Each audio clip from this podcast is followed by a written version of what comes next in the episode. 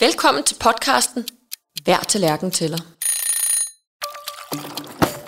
Udviklingen af fødevareprodukter står aldrig stille. Vi bliver hele tiden præsenteret for nye ting i dagligvarehandlen, som supermarkederne håber finder vej til vores indkøbskurv. Netop udviklingen af nye fødevarer er fokus for Tænketanken Madtankens fjerde anbefaling til en mere klimavenlig madkultur i Danmark. Madtanken mener nemlig, at fødevaresektoren skal accelerere udviklingen af klimavenlige produkter. Hvorfor og hvordan, det spørger jeg Adam Åmand fra Madtanken og Jakob Ørstrup fra Madkulturen om. De har været med til at understøtte arbejdet, som vi taler om i dette afsnit af Hver Tallerken tæller. Mit navn er Judith Køst. Jeg er direktør i Madkulturen, som er den institution, der har nedsat Tænketanken Madtanken. Velkommen til. Velkommen til jer, Adam Åmand og Jakob Ørstrup. Tak. Tak skal du have. Jakob, du er kok og iværksætter, og så er du ansat som kulinarisk rådgiver i madkulturen. Du har et indgående kendskab til, hvordan de danske forbrugere er, og står tit med forbrugerne og laver mad, blandt andet i sommer, hvor du er ude med det rullende sommerkøkken, og laver klimavenlig mad. Du er jo meget ude at lave mad øh, med danskerne, og rådgiver alle til at lave grønnere og bedre mad. Har du egentlig selv ændret madvaner de ja, senere år? det må jeg erkende, det har vi. Vi har i høj grad ændret madvaner derhjemme. Øh, for ellers hvad vi lærer de andre. Men hjemme hos os er der faktisk sket det, at, øh, at øh, kødet er røget ret meget ud på et tidsspor. Vi spiser næsten ikke kød derhjemme længere. Og det er sådan kommet snigende.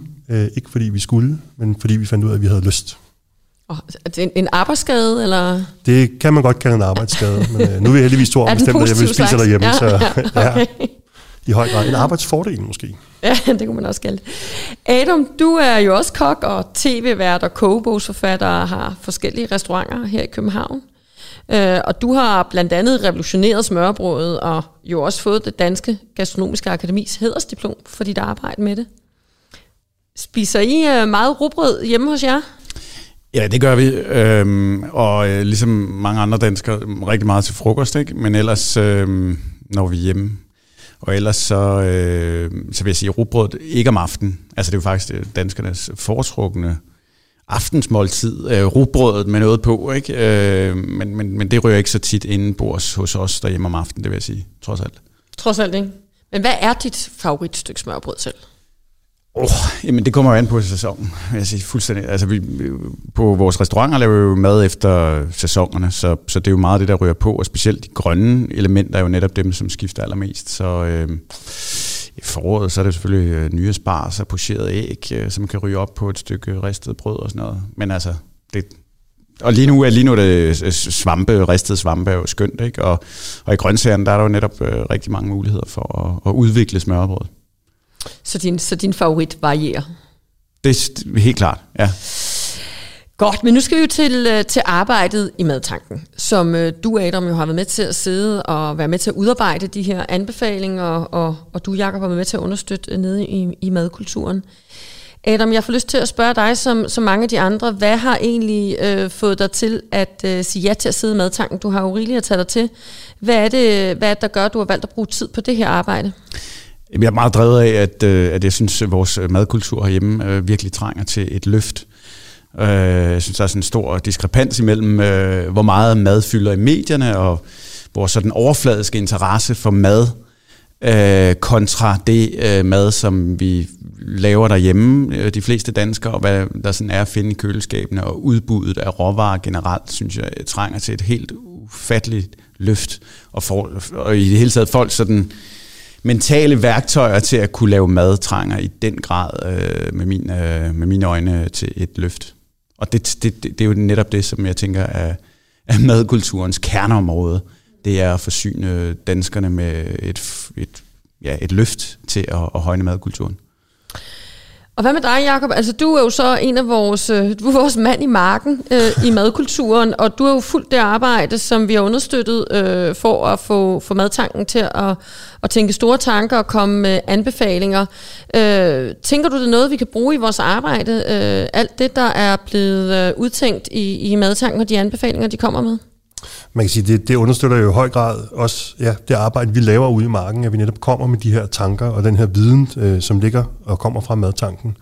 Øh, det er jo interessant, det Adam siger med, at, øh, at, at der, er, der er en tendens til, at vi ser rigtig meget mad på fjernsyn, vi aldrig nogensinde kommer til at smage. Øh, vi møder rigtig mange mennesker, der ved, hvad en sous vide er, men de ved ikke, hvad en majro er. Og på den måde, så det øh, formidlingsarbejde, der ligger i madtankerne, i madtanken, er enormt øh, øh, stærkt for os at have med ude i marken. Tak for, for den øh, intro. Nu skal vi lige have en bid af den viden, som vi netop har brugt øh, i madtanken til at, at reflektere over. Op mod 25 procent af vores CO2-udledning stammer fra vores fødevareforbrug.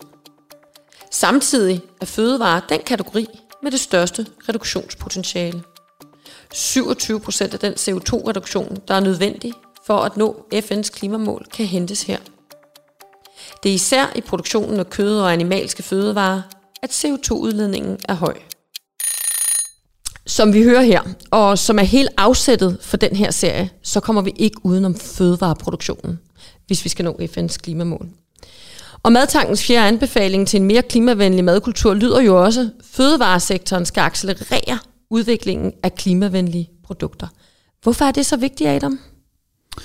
Fordi at, øh, som jeg talte om før, så, så, så øh, er der ikke det her know-how hjemme hos, øh, hos øh, de fleste danskere. Og øh, når madkulturen har det så ringe, og, og folk har så få øh, mentale værktøjer til at lave mad ud fra, så, øh, så, så bare det at skulle få dem til at lave mad fra bunden af, af ægte råvarer, det er en kæmpe udfordring. Hvis du så putter hele klimaspørgsmålet oveni, og det der med, at vi skal bruge øh, langt flere grøntsager, kødet nærmest mere skal blive et krydderi, og, og noget, som vi bruger øh, meget mere sjældent, så har du en overbygning, som gør det fuldstændig overskueligt, og som gør, at øh, jeg tænker, at vi, vi risikerer at tabe alle på gulvet, hvis vi oveni giver dem dårlig samvittighed over, at de ikke laver mad fra bunden af, så bygger vi lige ovenpå med, at det mad, de så laver fra bunden af, det, det skal så også øh, indeholde øh, en helvedes masse grøntsager og bælfrugter, og øh, hvad ved jeg, det skal de få til at smage godt. Ikke? Det, er jo, det er jo virkelig en udfordring, hvis ikke du har lært at lave mad. Så det er præstationsangst på præstationsangst og, og pres, vi lægger her ja, på og det, forbrugerne?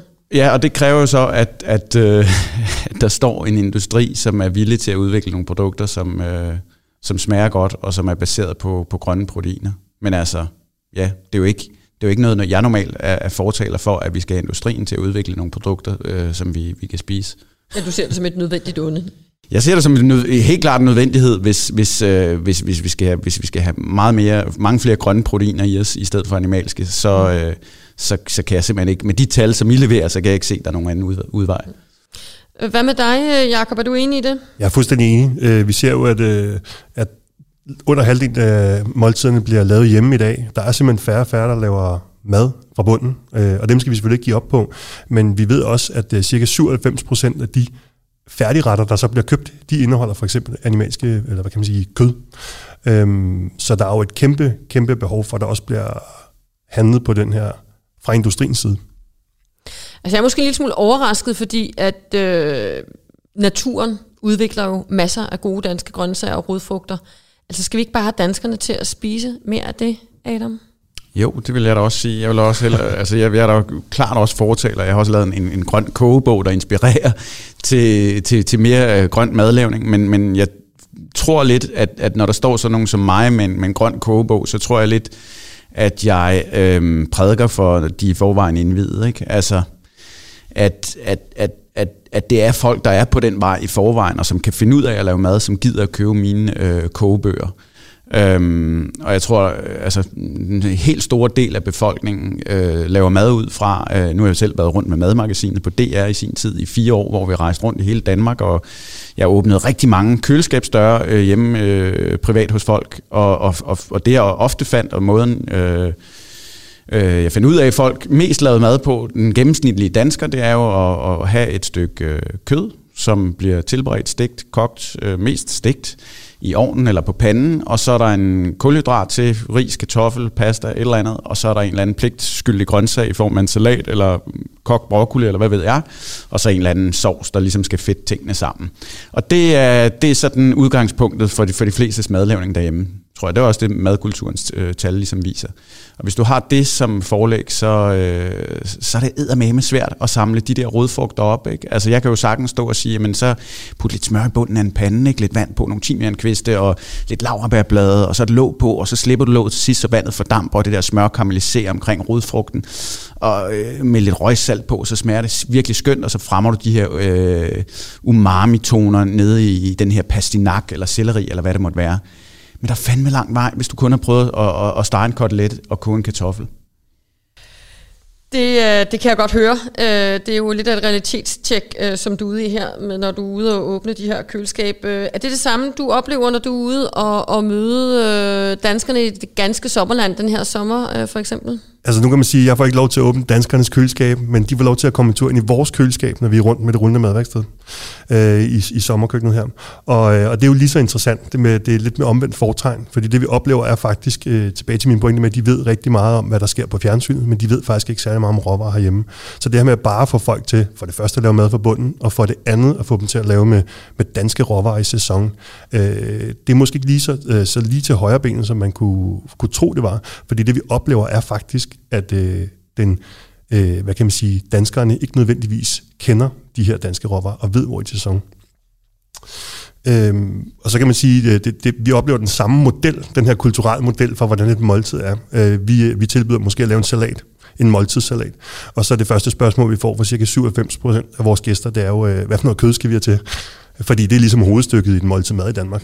Mm. Øh, så det er jo en grundlæggende tankegang, vi skal have ændret os. Så, så det I siger med hver jeres øh, fortegn, det er jo i virkeligheden, der er rigtig, rigtig lang vej igen øh, til vores øh, forståelse af de her råvarer, hvis det er den vej, vi skulle gå for at øh, ændre vores madkultur til i en mere klimavenlig retning. Så vi har brug for de her produkter, øh, som det her afsnit øh, handler om.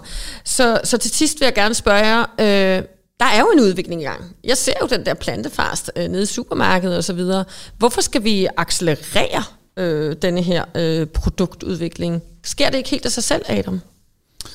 Øh, jo, det tror jeg, men, men jeg tror måske, at det går for langsomt, og industrien er for langsom til at, at, at samle de muligheder op, tror jeg egentlig, fordi jeg mærker det selv på mine restauranter. Jeg laver jo sådan et, en rimelig øh, kulturelt set kødtungt øh, udgangspunkt, smørbrød, som, som flere af mine restauranter koncentrerer sig om, til frokost i hvert fald. Øh, der ser vi jo en, en klar udvikling på, at vi, vi, sætter, vi, vi arbejder med at sætte flere og flere grønne ting på menuen, øh, for, for ellers øh, noget, som er kendt som at øh, være nærmest noget kødtsunami med øh, en lille smule rugbrød med en masse pålæg på. Det er det, vi kender smørbrød på fra, fra gamle dage, hvor vi har prøvet at lave det lidt om med mere rugbrød, flere grøntsager og selvfølgelig kød der, hvor der skal være kød, men øh, hvor jeg hen, det var, at jo, at vores menuer er rykket i en meget mere grøn retning, hvor vi får flere øh, grønne elementer på i noget, som ikke tidligere... Altså smørbrødet var kendt for at have to grønne stykker. Det var en tomatmad og en kartoffelmad. Ikke? Mm. Der prøver vi med rødbeder, vi prøver med græskar, vi prøver alt muligt af, og vi kan se, at det er der faktisk en efterspørgsel på på restauranterne. Nu ved jeg godt, det er noget andet end dagligvarehandel. Men, ja, men det du tænker, det er det, det der skal accelereres ud i dagligvarehandlen også, det, det, det her skift, ikke? Ja, og det er jo først og fremmest, at de produkter skal smage skide godt. Ja. Øhm, og, ja. Yes. yes, det kan altså, jeg, det kan jeg og det, det, altså, det fordi ellers, så, så, hvis, hvis, hvis folk skal vælge det ud fra sundhed og askese, og nu gør vi det godt for, for jordens øh, ni, knap 9 milliarder mennesker, så tror jeg ikke, det bliver det, der kommer til at flytte det. Det skal være det, der er udgangspunktet. Mm, det er, mm at, at man gerne vil noget grønt, men det skal fandme smage godt. Det var et godt sted øh, at hoppe videre. Tak for de kloge perspektiver. Godt sted at hoppe videre til en øh, vidensbid mere. Vi spiser mere og mere convenience og laver mindre og mindre hjemmelavet mad. Andelen af aftensmåltider, der er hjemmelavet, er faldet stødt siden 2015 fra 55% af måltiderne til 44% i dag. Madkulturens undersøgelse viser, at jo mere hjemmelavet maden er, jo mere er der tænkt over bæredygtighed, og jo mere klimavenlig er maden. Som vi hører her, så er den hjemmelavede mad mere klimavenlig, eller sådan opfatter vi den i hvert fald. Og det gør vi nok, fordi så tager vi stilling til vores råvarer. Men vi har heller ikke tid til at lave den, og laver den mindre og mindre forbundet i en travl hverdag. Så når nu vi skal have den her produktudvikling, hvad er det så konkret, vi skal kunne finde nede i supermarkedet og i kølemontren, Adam? Øh, jamen altså, jeg synes jo, at, at det industrien skal forstå, det er at lave noget, som er nemt for folk at gå videre med. Altså normalt, så, så vil jeg jo helst have folk bare købt en hel rodfrugt med masser af jord på, og gik hen og hjem og skyllede den, og skyllede deres egen salat og lavede alt fra bunden af. Men øh, efter jeg har siddet i madtanken, efter at folk åbnet folks køleskab derhjemme, så kan jeg godt se, at det, det er sgu nok ikke realistisk. Og altså, det hjemmelavede måltid er mere klimavenligt, det er bestemt også mere sundt, er jeg fuldstændig overbevist om. Så hvad er det, industrien skal gøre? Jeg vil sige, at de skal gøre noget, som gør, at de gør mindst muligt ved råvaren. Og for eksempel den der famøse rødbedefars, eller hvad hedder det, plantefars. Øh, igen, hvis man kigger på indholdsfortegnelsen, synes jeg, det er lidt et ærgerligt produkt, hvor der er alt for mange ting i, som ikke burde være der. Og så kan man sige, så vil det være nemmere bare, og billigere fandme også, for folk at rive en rød bede og komme lidt æg i og noget rasp og noget, og så, øh, du ved, øh, en, en ret enkel opskrift kan du lave den her plantefars fuldstændig selv. Så hvordan får vi folk til at, at komme derhen? Det må jo så være at hjælpe dem på vej til at blande nogle ting sammen, som på en eller anden måde er givet på forhånd. Så det vil sige, at du har lavet noget snitarbejde. Jeg vil sige, når jeg tager til Italien, så kan jeg jo se, at altså, italienerne er jo altså voldsomt meget bedre end os generelt set til at lave mad, og har en utrolig dybere og stærkere madkultur. Men de har fandme også øh, nogle supermarkeder med langt flere varer på hylden, som er blomkålsbuketter, der er delt en stor, kæmpe, øh, skøn øh, Crown Prince-græsker, øh, som er umulig at, at, at tonse hjem alene, hvis du skal have sådan en helt græsker. Det er skåret i skiver eller i små stykker. Der er salvieblade lige til, og en klump smør og sådan noget. Så der, der er ligesom ting på nogle ting, hvor at du stadigvæk laver mad fra bunden af. Det er bare ligesom dele ind i nogle enheder, der er til at håndtere øh, enklere, øh, mere enkelt for den, for den enkelte. Og, og øh, og så samtidig, så, så tror jeg også, når vi snakker om det her, så tænker vi også meget på, at øh, når vi snakker om det der hjemmelavet mad og sidde ved familiebordet, så tænker vi jo alle sammen på den her kernefamilie med to forældre og to børn. Men det er jo bare, de fleste måltider, der bliver spist derhjemme, de bliver jo faktisk spist af folk alene. Og der kan jeg jo godt forstå den helt store udfordring der. Det er, hvem fanden gider at stå og lave, bruge øh, øh en time eller halvanden i køkkenet på at lave mad til sig selv. Så, så løsningen her, øh, hører jeg dig sige, er ikke at have øh, rødbeden med jorden på, eller noget rødbedefars, men at lave nogle færdige elementer på midtbanen, som gør, at man stadig selv kan få fingrene ned i rødbedefarsen i det her tilfælde, uden at øh, det tager alt for lang tid. Præcis. Hvad siger du, Jacob? Hvad, hvad, hvad vil du gerne kunne, øh, hvad vil du gerne, at forbrugerne kunne finde nede i supermarkederne der på midtbanen? Altså, jeg vil jo også gerne gå den vej øh, igen, hvor de lavede det hele selv, men jeg tror også, der er et øh, behov for, at vi får udviklet nogle, øh, nogle, nogle, nogle erstatningsprodukter, kan man sige, øh, de her plantefarser, men som har et udgangspunkt i noget, der smager rigtig godt, og har en sundhedsprofil og en værdi, som er, er interessant at komme efter. Hvor mit indtryk er lige nu, at meget af det bliver beregnet. Øh, det er simpelthen øh, skrivebordsprojekter, som er gjort for at møde en brugergruppe, der nu er nødt til at gå fra kød til noget andet. Øh, så det tror jeg helt klart, vi er nødt til at accelerere den her øh, udvikling af, af, af planteproteiner, som skal ligne noget andet, som smager godt. Det er jo tryghed, vi taler ind i her. Øh, vi har mig utryg ved at gå væk fra vores, øh, fra vores hakkebøf, som vi kender den. Øh, så vi vil gerne have noget, der ligner. Og hvis jeg må sige noget til det, så, så vil jeg også, altså, så det, det er også min erfaring. Vi er begge to kokke, så vi ved det der, vi skal godt lide, at råvaren skal tale for sig selv, og øh, ikke kalde det selleribøf, øh, lad os bare kalde det braseret selleri, eller hvad fanden ved jeg. Ja. Og det må vi simpelthen, det der, det skal bare pakke sammen, fordi jeg tror, at, at at bygge broen til det grønne køkken, der bliver vi simpelthen nødt til at hænge det op på en, på en kødkrog, så at sige. Der bliver vi nødt til at kende, hænge det op på en genkendelighedskrog, hvor man kan sige, jamen så er det en selleribøf. Ah, så når det er sådan lidt bøfagtigt, og med en løgsovs til, ja ja, men det er sådan lidt det der udgangspunktet. Så, og, og, og det samme med frikadeller, grøntsagsfrikadeller og sådan noget, det bliver nødt til at være nogle retter, som folk kan relatere sig til helt i forhold til det grønne. Det er bare det, det er min erfaring, helt klart. Min erfaring er bare lige nu, at det vi kommer, og det her kødkroge, var jeg lige vil sige, vi, vi, vi hænger det op på lige nu, øh, de skuffer jo generelt, fordi hænger vi det op på en frikadelle, kalder vi det en frikadelle, så har vi skudt øh, 800 forestillinger i gang ind i folks hoveder på, hvad er en frikadelle, og får vi så øh, undskyld udtrykket, den trætte øh, frikadellefars erstatning ned fra, fra hvad hedder det, køledisken, som indeholder 48 øh, forskellige ingredienser, øh, hvor en meget, meget lille del i øvrigt er grøntsager, øh, så, så bliver den svær. Så øh, altså, jeg tror, vi skal i den retning, men jeg tror, vi skal, vi skal arbejde men, hårdt men på nu kaldte du det jo også lidt skrivebordsarbejde, Jakob. Hvad mente du med det? Ja, det er også tavligt mod alle dem, der sidder ved skrivebord, for der er mange, der sidder ved skrivebord og laver rigtig godt arbejde. Øh, men, men man kan godt have et indtryk af, at her er nogen, der har kigget på et hul i markedet og, og set, hvad, hvad kan vi øh, til øh, med, med bedst mulig avance producere og få ud i kølediskene, og så måske med lidt mindre, øh, øh, hvad kan man sige, sensorik og, og kulinarisk kvalitet for øje. For som Adam siger, vi sidder her og har en faglighed inden for det her, men det har dem, der skal vælge de her produkter, desværre øh, nok ikke. Øh, og det betyder også, at man, man måske vælger det, der er, Øh, og, og her kan vi binde sløjfen tilbage til den her øh, viden om råvarer. For har man ikke en viden om råvarer, har man ikke en viden om madlavning, så har man højst sandsynligt ikke viden nok til at vælge de dårlige øh, alternativer fra.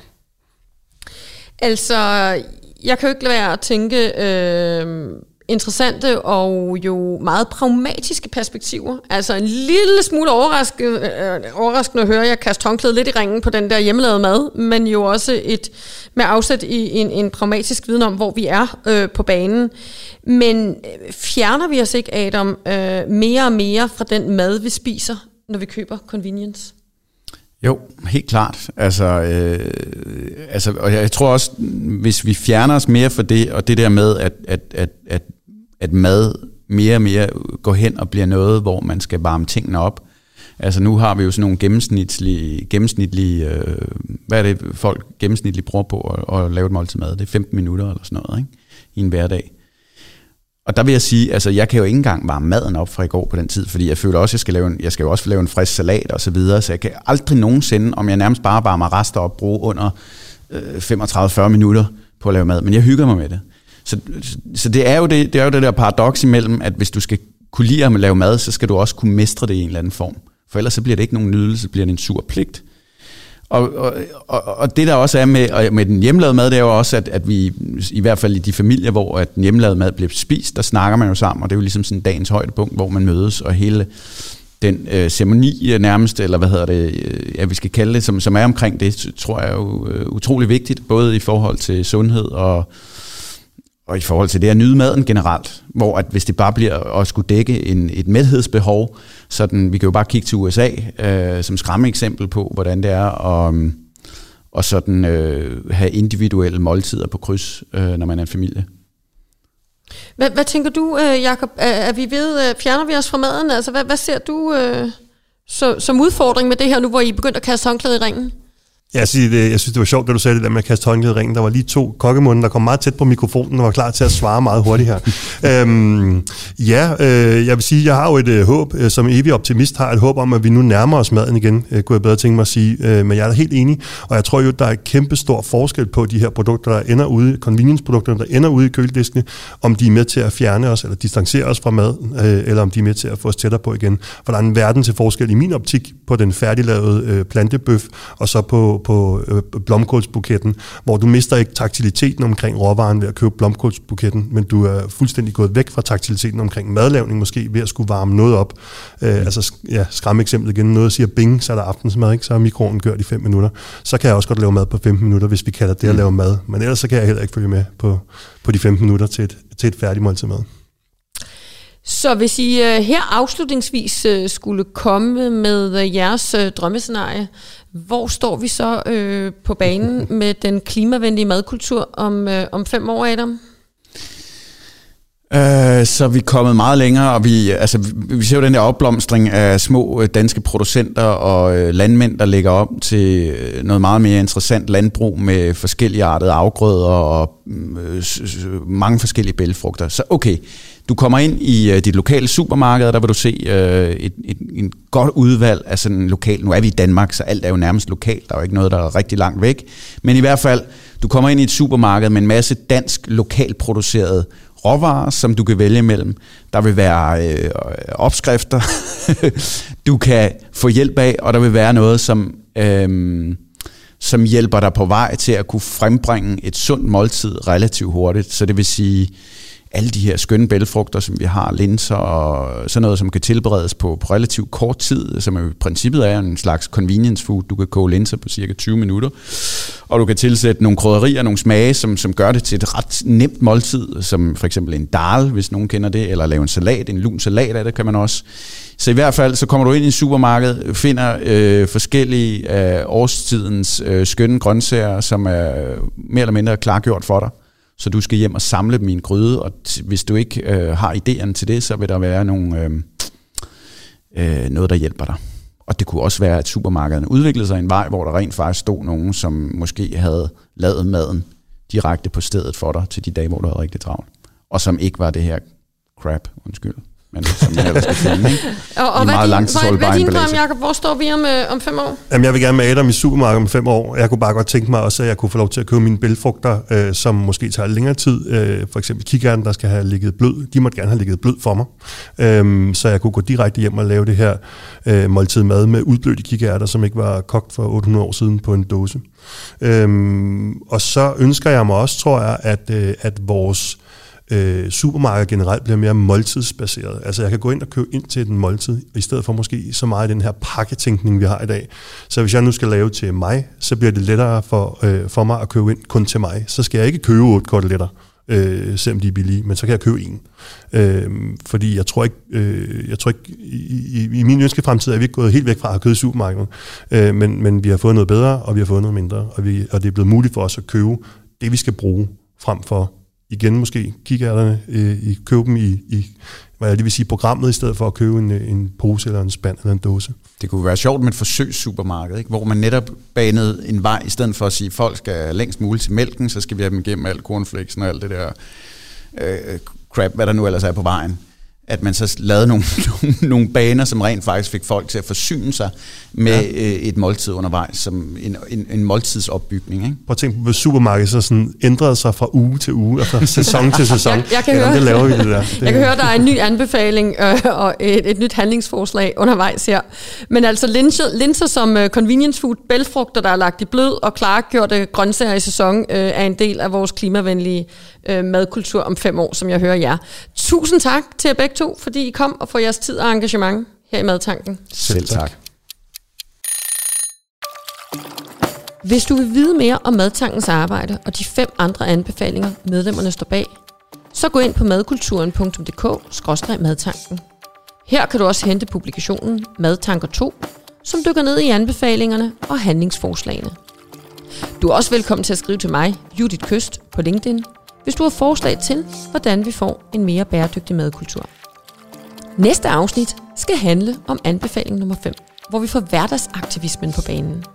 Du kan allerede nu høre det samme sted, som du har fundet dette afsnit. Tak, fordi du lyttede med.